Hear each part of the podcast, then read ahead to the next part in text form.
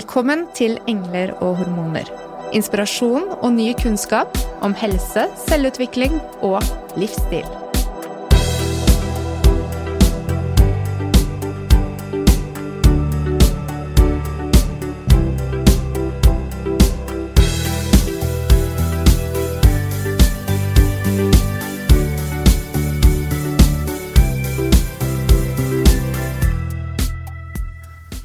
Husker du vi snakket om hvordan vi som familie kan gjøre gode valg i hverdagen? For god helse som er bærekraftig for oss selv, og for kloden vi lever på. Med en baby på et halvt år er dette temaet noe som jeg synes det er viktig å ha litt kunnskap om. Og i denne episoden skal vi snakke om ernæring de første 1000 dagene av et liv. I studio i dag så er vi så heldige å ha med oss Malin. Hun er ernæringsterapeut, naprapat, tobarnsmor og forfatter av den nydelige boken Barnematbibelen. Og ikke minst så er hun gründer og utvikler av GroGro. Noe som jeg virkelig gleder meg til at kommer i butikkhyllene. Nemlig sunne og gode ferdigretter til barn. Men det skal vi komme mer inn på senere. Hjertelig velkommen, Malin. Tusen takk. Så hyggelig å ha deg her. Det er veldig hyggelig å være her hos Ja. dere. Så bra. Vill du fortälla lite om dig själv? Ja. Eh, jag är svensk som du kan höra. Eh, bor med man och norsk man och två barn utanför eh, Oslo på Lierskogen. Ehm, och ja, förutom att, just nu så är mitt liv jobb kan man säga. Eh, för nu så när jag jobbar med att få fram de här produkterna på marknaden så går det 24-7 jobb, familje, eh, Så prövar jag att få till lite eh, träning inemellan, lite egen tid. Så man kan väl säga att hälsa och kost har alltid varit ett stort intresse. Och efter barn så blev det en passion. Mm. Vi har varit så heldiga att följa dig egentlig i mange år, Malin. Det har jo skjedd veldig mye på din businessfront. Og fra å være naprapat til å være lidenskapelig ernæringsentusiast, så har du også delt kunnskapen din i noen fantastiske foredrag. Som er grunnen til at du sitter her i dag, egentlig. Det er denne personen for å informere om hvordan vi kan gi best mulig ernæring til mamma mens hun går gravid, og til barnet. Alt i alt de første 1000 dagene. Mm. Det, är, det är passionen och, och jag tror att det är, också, det är verkligen det jag lever för just nu, att få förmedla det på, på en fin måte, på en enkel måte och också viktigheten av eh, vad, vad stor faktiskt effekt man får av kost, kosthållet. Eh, både under graviditeten som du säger, eh, Eh, vid amming och barnets första två år i livet.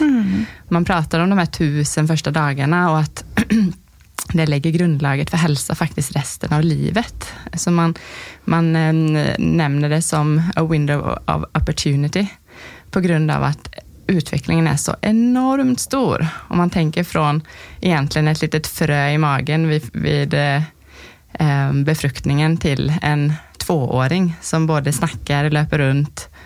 Eh, ja, vilken enorm utvecklingsperiod.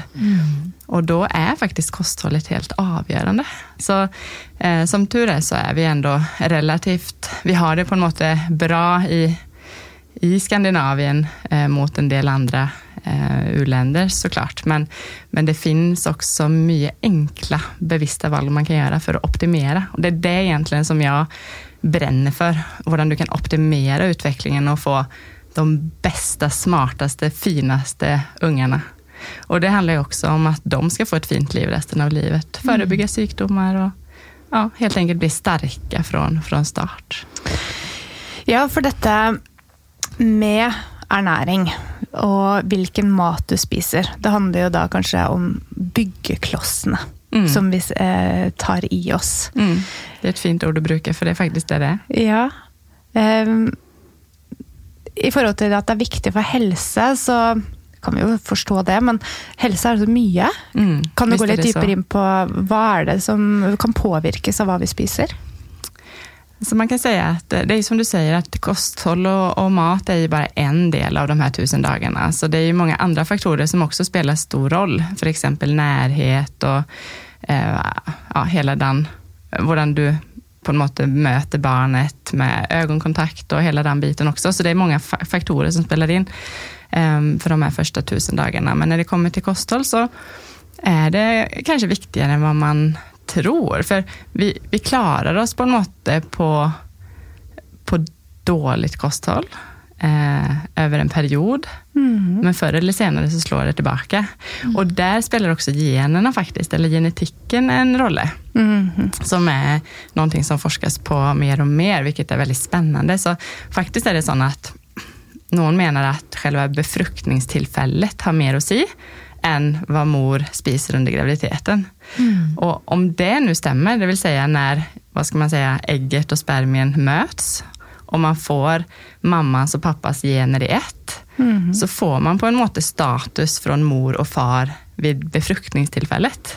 Ja, så är näringsstatusen också? Ja, allt. Mm. Eh, men när man då pratar om, om hvordan generna och påverkas av omgivelsen, mm. så betyder det att vi också kan påverka status vid befruktningstillfället. Och vad det betyder är ju såklart hälsa i stort, men när det kommer till kosthåll så är det någonting som vi också kan styra med, med enkel basiskunskap skulle jag säga. Mm. Men det ska också sägas att det är inte är så enkelt nu för tiden, för uh, sunt förnuft, eh, jag vet inte ens om det existerar längre. Kanske inte, speciellt inte i näringsvärlden. Nej, men det är så mycket meningar och anbefallningar och folk är oeniga och det är inte så enkelt menar jag. Man kan Nej. inte bara säga, men bruk sunt förnuft så kommer det gå bra. Nei, For hva er det? Ja. ja, det kommer an på hvem du snakker med. ikke sant? Ja. Eh, altså, denne epigenetikken, altså eh, tanken forenklet da at vi er født med et sett gener, og mm. vi er predisponerte for å utvikle ulike typer sykdommer, men vi kan mm. skru disse genene av eller på Precis. ved livsstil, som f.eks. ernæring. Ja. Mm. Jättespännande. Ja. Så hvis vi da starter med svangerskapet, da, hva mm. er det det er viktig å tenke på her? Jo, så av egen erfarenhet så vet jag att eh, jag var ganska kvalm under svangerskapet. Jag var så sliten så att jag trodde jag hade trötthetssyndrom. Eh, så jag vet att det att välja vad ska man säga, sunda alternativ är inte nödvändigtvis är det enklaste. Man på en måte spiser det man får ner och man spiser det man har lust på. Mm. Och det gjorde jag också. Eh, men om man har lite basiskunskap så kan man i vart fall träckas mot de mer sunda alternativen till som bas och så får man hellre spisa chokladen och jag hade Snickers som en sån grej. en period i svangerskapet där jag bara måttade Snickers. Det är inte så heller för väkta i vart fall. Men, ehm, men eh, jo, så att det man ska tänka på det är ju det här med att spisa varierat och det är klart, vad är varierat? Ehm, jag tänkte vi ska prata lite, det finns vissa grundfaktorer som egentligen gäller för alla. Mm. Och det är ju något med att också barn för exempel, alltså man tänker att den här lilla bebisen är en ny mänsk, eller en, en ny varelse, men de är också människor och vi har det finns viss mat som är bra för alla oavsett ålder, oavsett svangerskap eller icke. Men man har ett litet annat behov under svangerskap mm. och detsamma gäller när man, eh, när man ammar. Eh, och då är det vissa näringsstoffer som man ser kroppen, alltså vad ska man säga, fostret brukar mer av det. Som, som man tränger att fylla på med som, som mamma. Mm. Eh, och också för att optimera eh, utvecklingen redan under eh, svangerskapet. Ehm, och jag tror generellt ska man tänka naturlig mat, det vill säga mat som är lagat av naturen. Och det där är någonting som vi oftast kanske inte reflekterar så mycket av, för att all mat vi finner, finner vi i en butik. Det är inte så att vi dyrkar maten själv, eh, vilket gör att vi tänker att maten som vi har i matbutiken är mat. Men om vi ser på produktionsmaten, då får vi en tydligare bild på vad som kanske är optimalt för oss och icke. Mm. Så om man tänker till exempel eh, mat som är lagat av en människa, det vill säga via en produktion, versus mat som är lagat av naturen. Ta för exempel ett äpple lagat av naturen. Om du tänker på det så är det helt magiskt.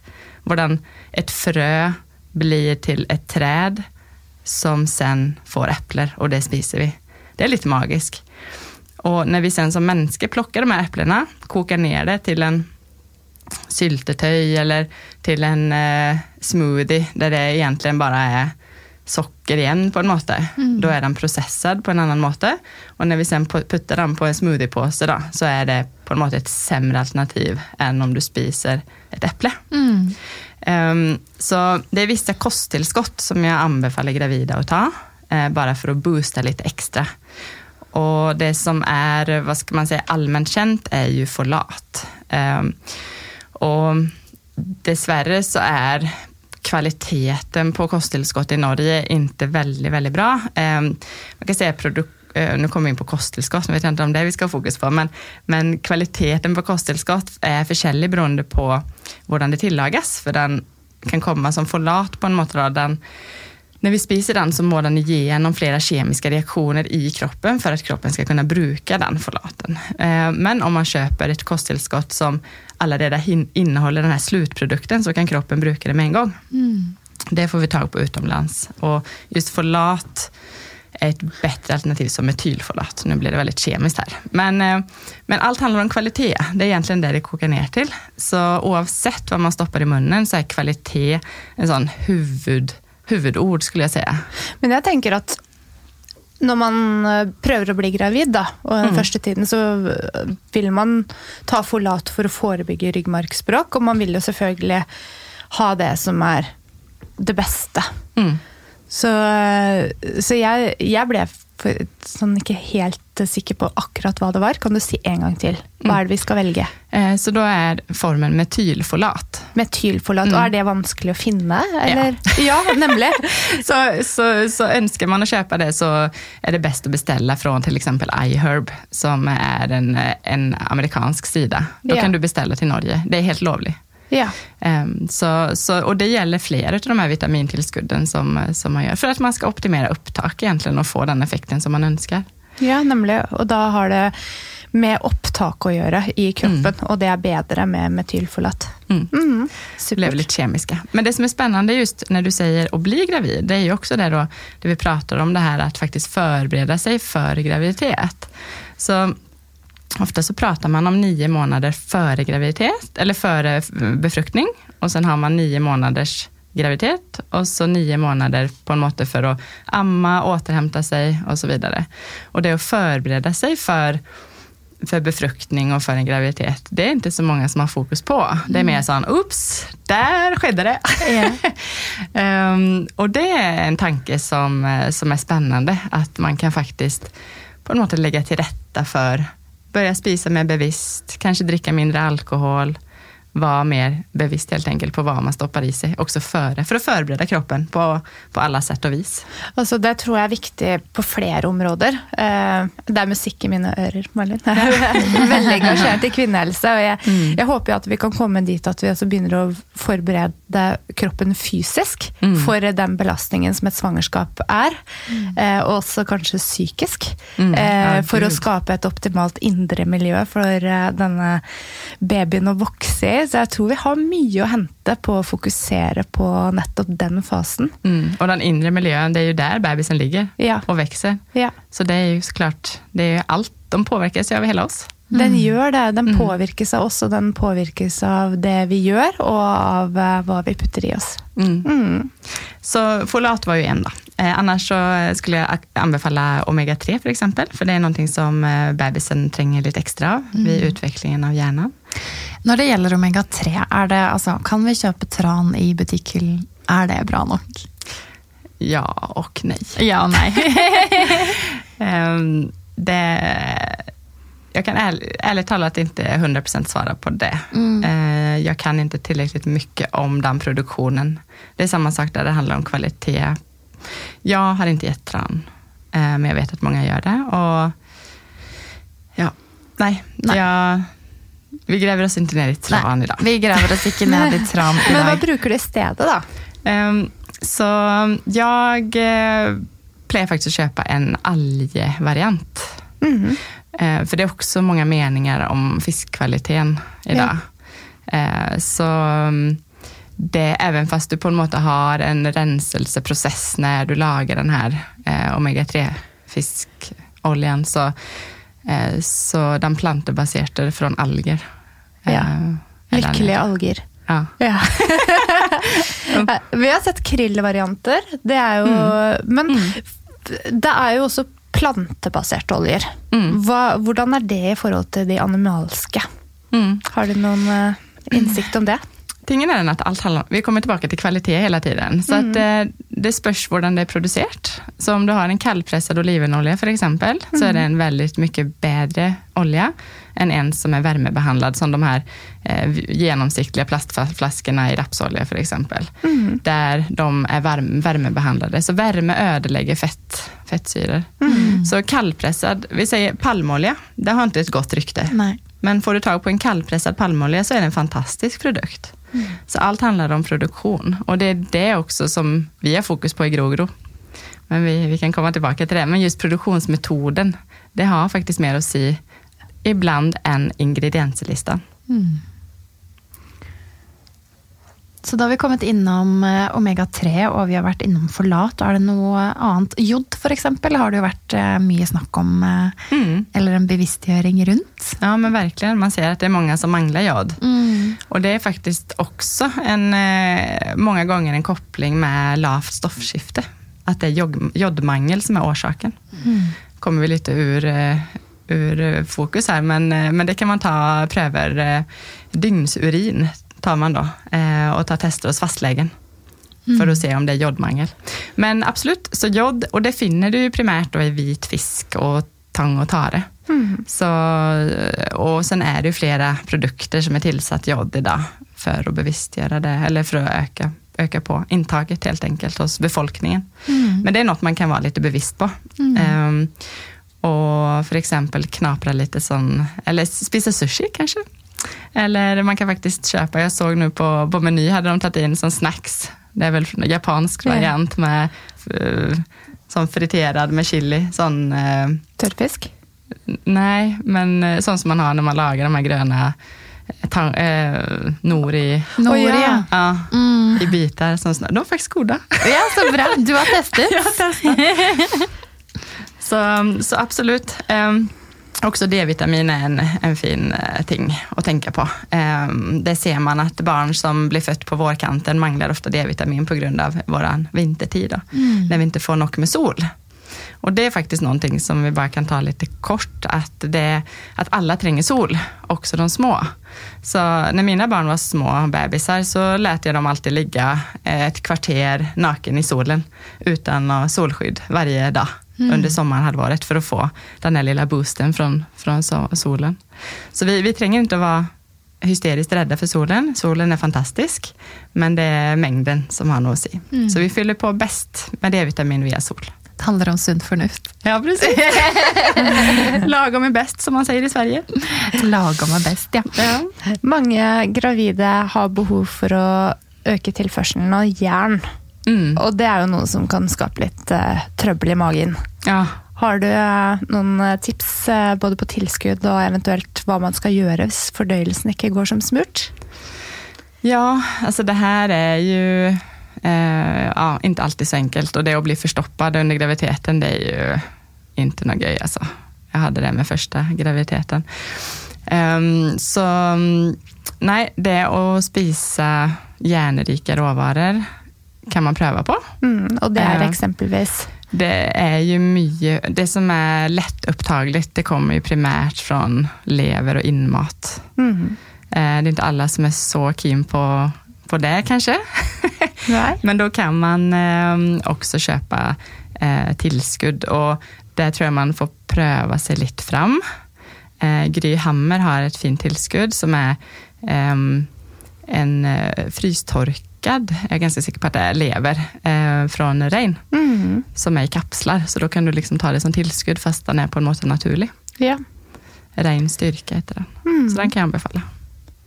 Fantastisk. Det er jo um, Det er dette med svisker eller kiwi har vi lært nå etter hvert, og chiafrø som hjelpemiddel til å få fart på Mm. fordøyelsen. Men et tilbakevendende spørsmål vi får i klinikken, det er Mm. dette med fordøyelse i eh, Ja, svangerskap. gud.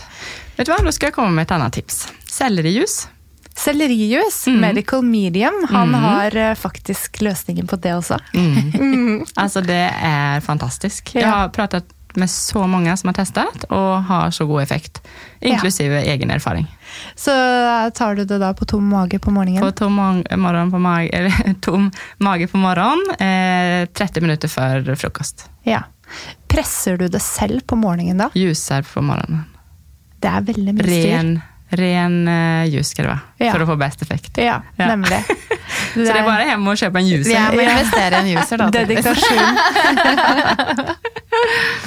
Ja, men det som är spännande med de här tillskudden vi pratar om, och de här, det är ju lite sånt som också sen går över på barnet. Eh, som järn är ju mycket fokus på när man får barn. Och också B12 som är väldigt fokus på. Det var ju därför nu hälsodirektoratet anbefallt att man skulle starta med smakspröver tidigare än sex månader. Ja. Ehm, För att man såg att B12 är en så pass viktig vitamin just för motorisk utveckling. Fordi det har da barnet fram til det er fire til seks måneder cirka fra lager fra mor eh, Ja, er det sånn? Så det är därför, för när den här diskussionen var uppe, så pratar man bara om barnet. Men det som är mest intressant, tycker jag, är mors status. För att barnet lagrar eh, både järn och B12 eh, under graviditeten. Men det är ju på en måte mor, alltså mammans status som gör att den kan fylla på mer eller mindre. Så att det att få in mer fokus på B12 och järn under graviditeten borde ju vara också väldigt intressant. Men det diskuterades aldrig. Ehm, så att det att ha, vara lite bevisst på det under graviditeten kan vara fint. Och då är det ju mycket animaliska produkter. Ehm, det är det, även fast vi ska dra ner på animali, animalierna så är det faktiskt så att man tränger inte nödvändigtvis så mycket. Ehm, Men det är att kanske kolla nivåerna eh, lite regelmässigt också. Eh, nej, så det är därför man anbefaller att starta lite tidigare då, med mat. För det har så mycket att säga. Eh, så det är spännande. Ja, når tenker du, Malin, at det er naturlig å begynne å introdusere smaksprøver Mm. til eh, Det är, ju det, här, det är det här som är vanskligt för att alla barn är så olika.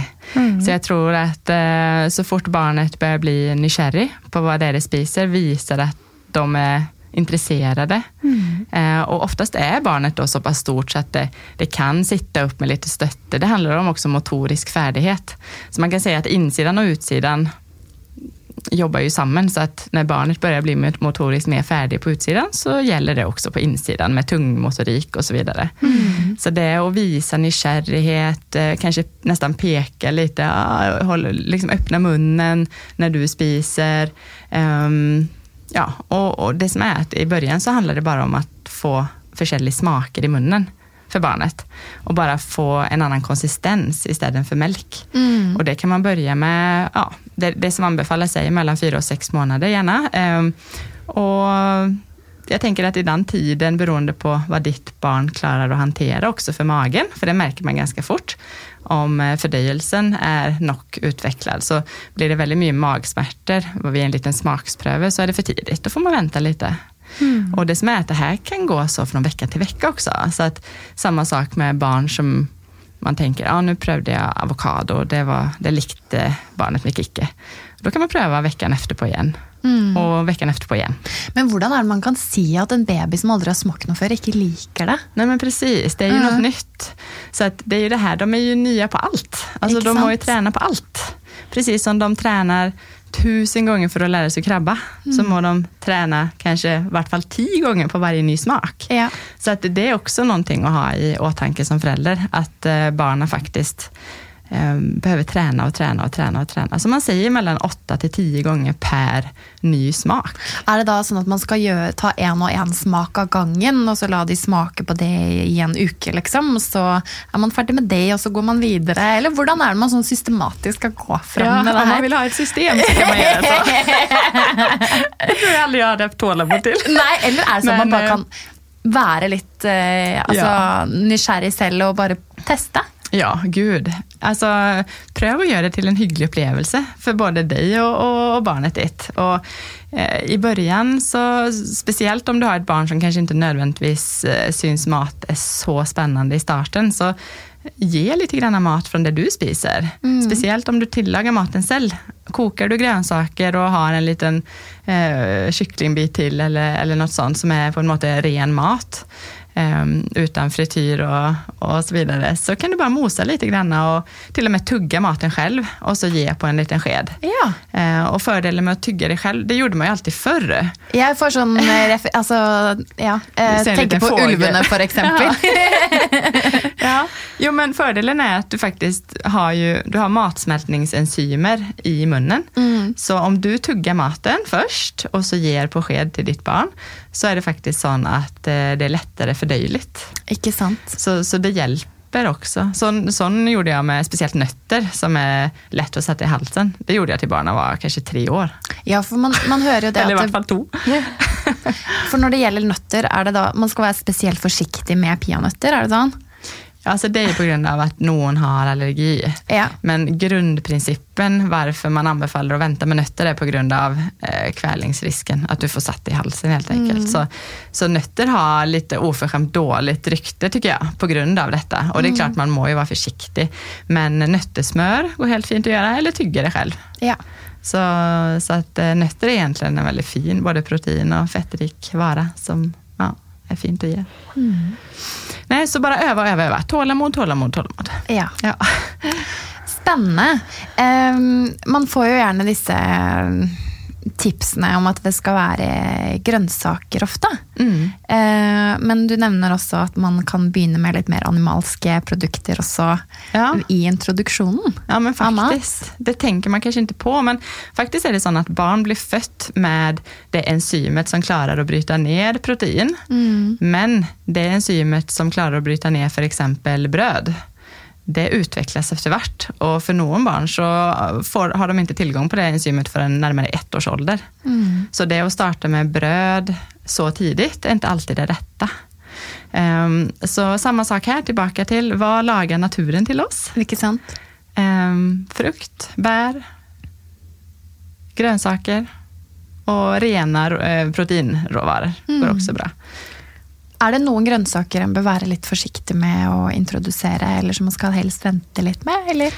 Ja, där är det ju en anbefallning från eh, hälsodirektoratet om att man ska vara försiktig med eh, för exempel spenat och, och rödbetor, stångselleri eh, på grund av eh, nit, nitrat som, ja, som finns i detta. Ehm, när jag har gjort lite research på forskning på det så tror jag inte man behöver vara så hysterisk faktiskt. Nej. Det finns eh, egentligen inga tydliga bevis på att det ska vara väldigt farligt. Men jag tänker lite sån för var-princip.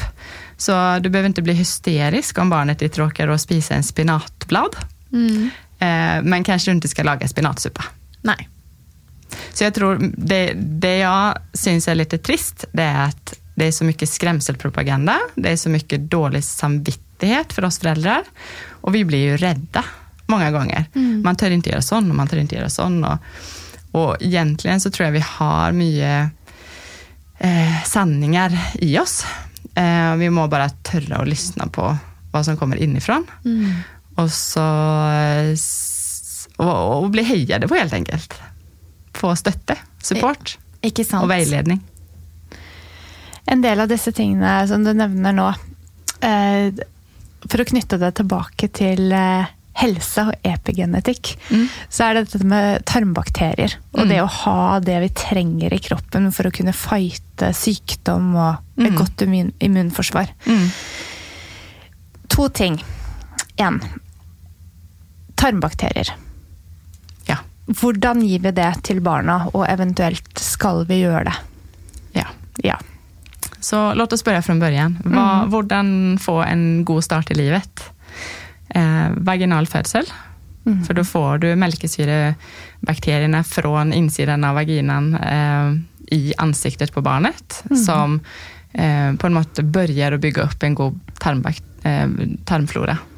Eh, föder man med kejsarsnitt så kan man faktiskt ta sekret från slidan eller vaginan och så smeta in i alla hålrum i barn, alltså ögon, näsa, mun Ja. på barnet. Och det är någonting som det är inte alltid man kan välja detta, så att eh, det är faktiskt fint att veta det om man planlägger kejsarsnitt eller om det är det som på något sätt må till, att man som mor kan säga det till de som hanterar barnet, för att eh, det är inte alla som vet detta. Nej. Och det är ett enkelt trix på att få igång det ändå bättre. Ja. Ehm, sen att få faktiskt, vi har massa bakterier på huden Så bara det att, att faktiskt amma, att barnet får på en måte mors hud i munnen, Mm. eh, hjälper på att få goda bakterier, bygga upp bakteriespektrat i tarmen och eh, morsmjölk är probiotisk, det vill säga mat till de goda bakterierna. Så får, klarar man att amma så är det det bästa. Eh, klarar man inte att amma, då, får, då tänker jag, eller då, då playar jag och säger, då är maten ändå mer viktig. Vilken typ av mat du, du ger. Och mat till de goda bakterierna är ju det som på något måte är fokus eh, för att bygga upp och fronta dem i tarmen. Och då är det mycket i den här naturliga maten som vi pratar om, som frukt och grönsaker och fibrer och, och så, som, eh, som är då mat till de goda bakterierna. Og da er det jo slik at ting som vi tar til oss, eh, og gjerne gir til barna, så ofte tenker man at det skal være økologisk. Mm.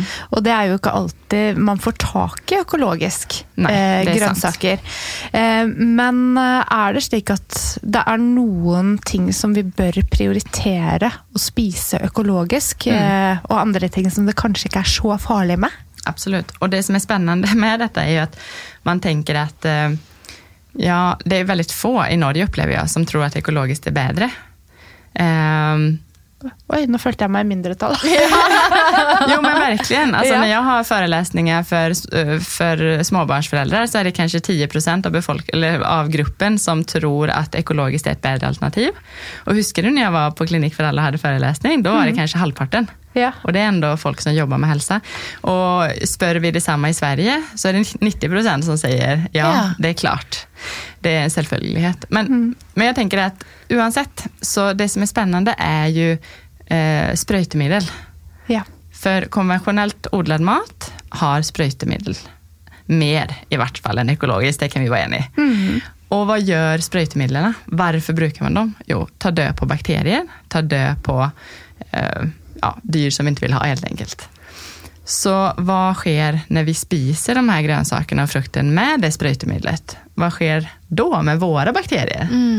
Det är någonting som i vart fall, jag vet inte om det finns forskning god nog på det, det är inget jag har funnit, men bara tanken säger i vart fall mig att det är bättre att välja ekologiskt. Men det är som du säger, någon eh, grönsaker och frukter tränger mer spröjtemedel än andra. Och för exempel kål, alltså du kan ju göra vad som helst för att ta död på den där kålen, den lever ju oavsett. så kål tränger inte så mycket spröjtemedel, så den tränger man inte nödvändigtvis att köpa ekologiskt. Medan för exempel jordbär, väldigt mycket spröjtat. Eh, för exempel tomater, vindruvor, eh, faktiskt ska vi säga det bananer också. Som är spenat också, som är väldigt kraftigt eh, spröjtat. Så, mm, så då är det bättre om man ska välja, och det är som du säger, att det inte alltid man får tag på ekologiskt, men det är någonting i vart fall som alltid jag köper ekologiskt. Och det är spenat, äpple, jordbär. Ja. Och sen eh, avokado och ananas för exempel. Vi har lök, mango, kräver mindre sprøytemidler. Ja, det er veldig fint å vite. Jeg, eh, jeg ble så eh, Dette her satt så hos meg når vi møttes sist, eh, faktisk. Så min kjære mor har økt produksjonen av jordbær og jordbæråkeren hjemme uten å sprøyte. Oh, fantastiskt. Ja, så jeg er veldig glad for å ha valgt eh, økologiske jordbær i Ah, hele det er sommerhalvåret. Ja, det er det. Ja. Og det er eh, virkelig noe å tenke på i forhold til hva vi faktisk får inn i kroppen, og som vi gir til de aller minste. Och de är ju mer utsatta, för de är outvecklade. Det er det. Så de är mer sårbara. Och så är de i utveckling och därför så är de också mer sårbara.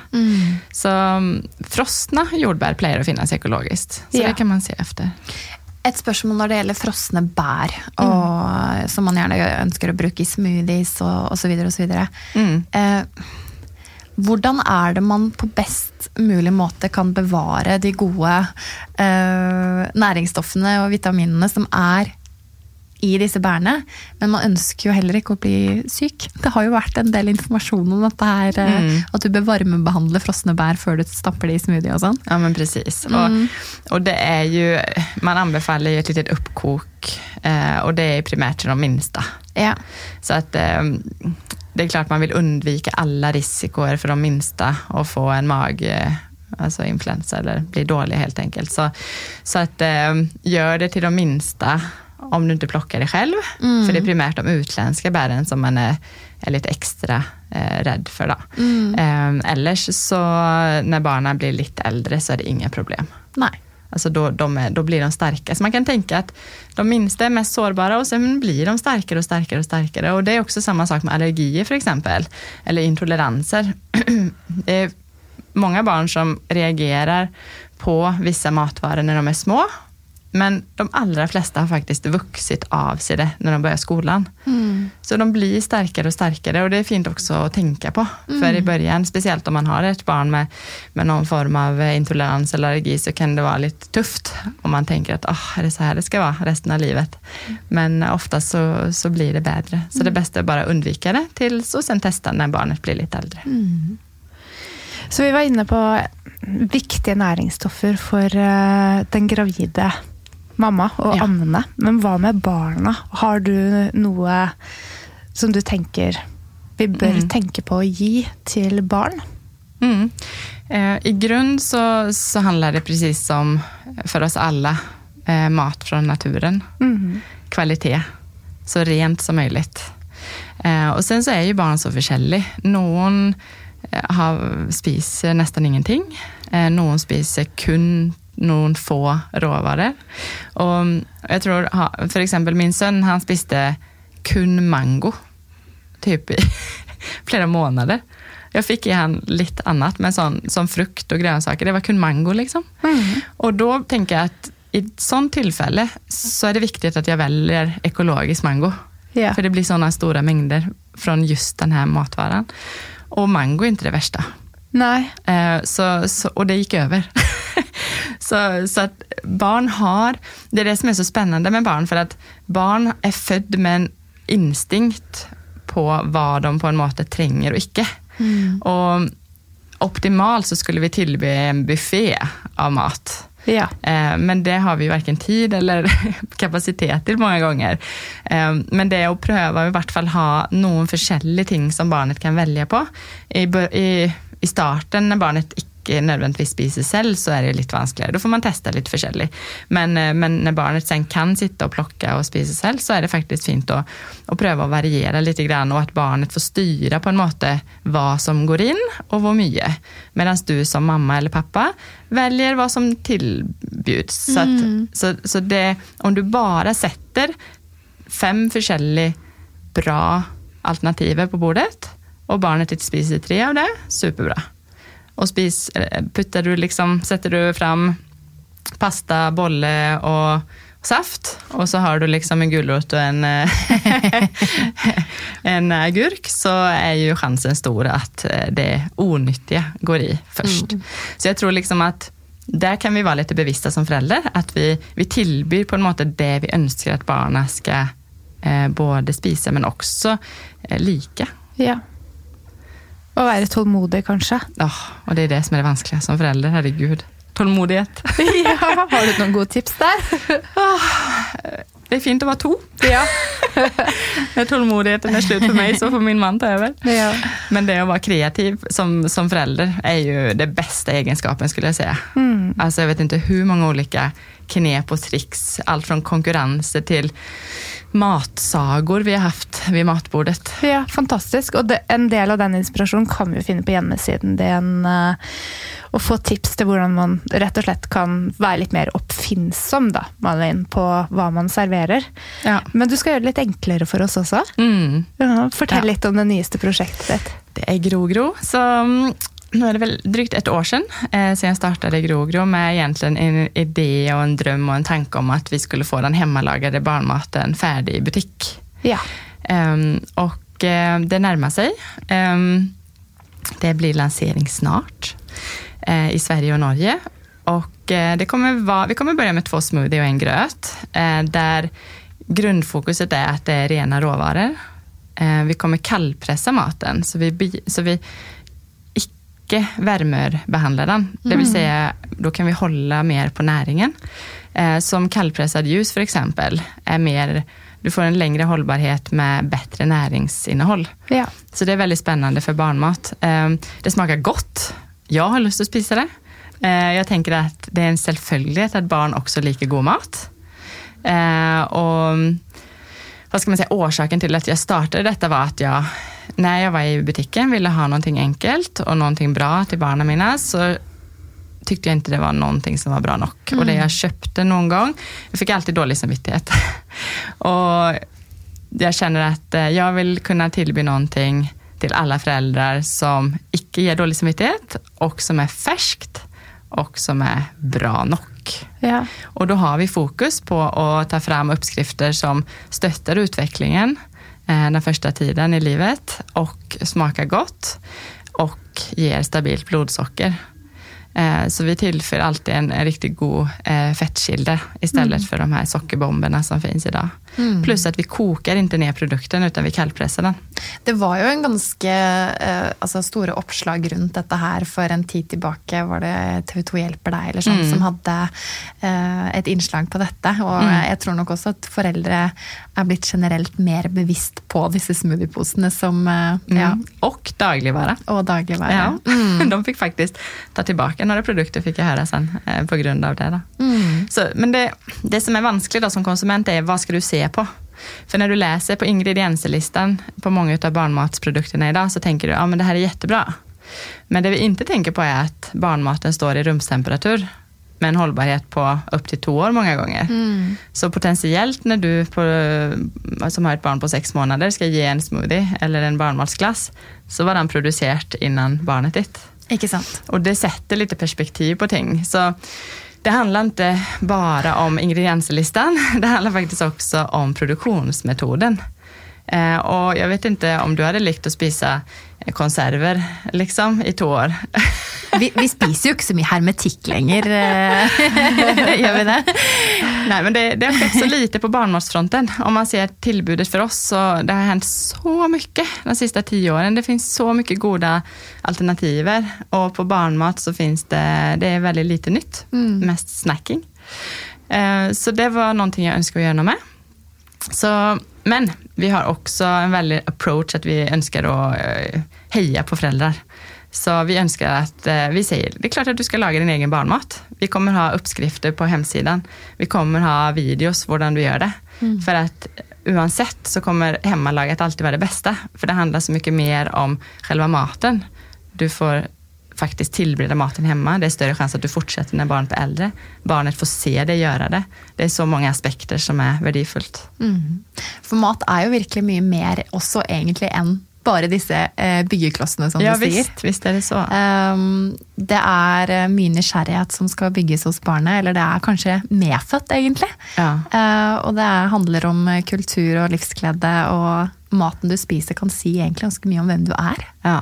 Absolut. Och jag tänker den nykärheten, det ska man utnyttja. Mm. Ta med barnet, låt barnet sitta med. Redan som ettåring så kan barnet vara med med en smörkniv i handen och pröva sig på lite champinjoner. Alltså det, det, är så mycket, och barn syns ju, det är spännande. Mm. Så, så jag tänker absolut. Eh, och den stötten tror jag vi tränger som förälder.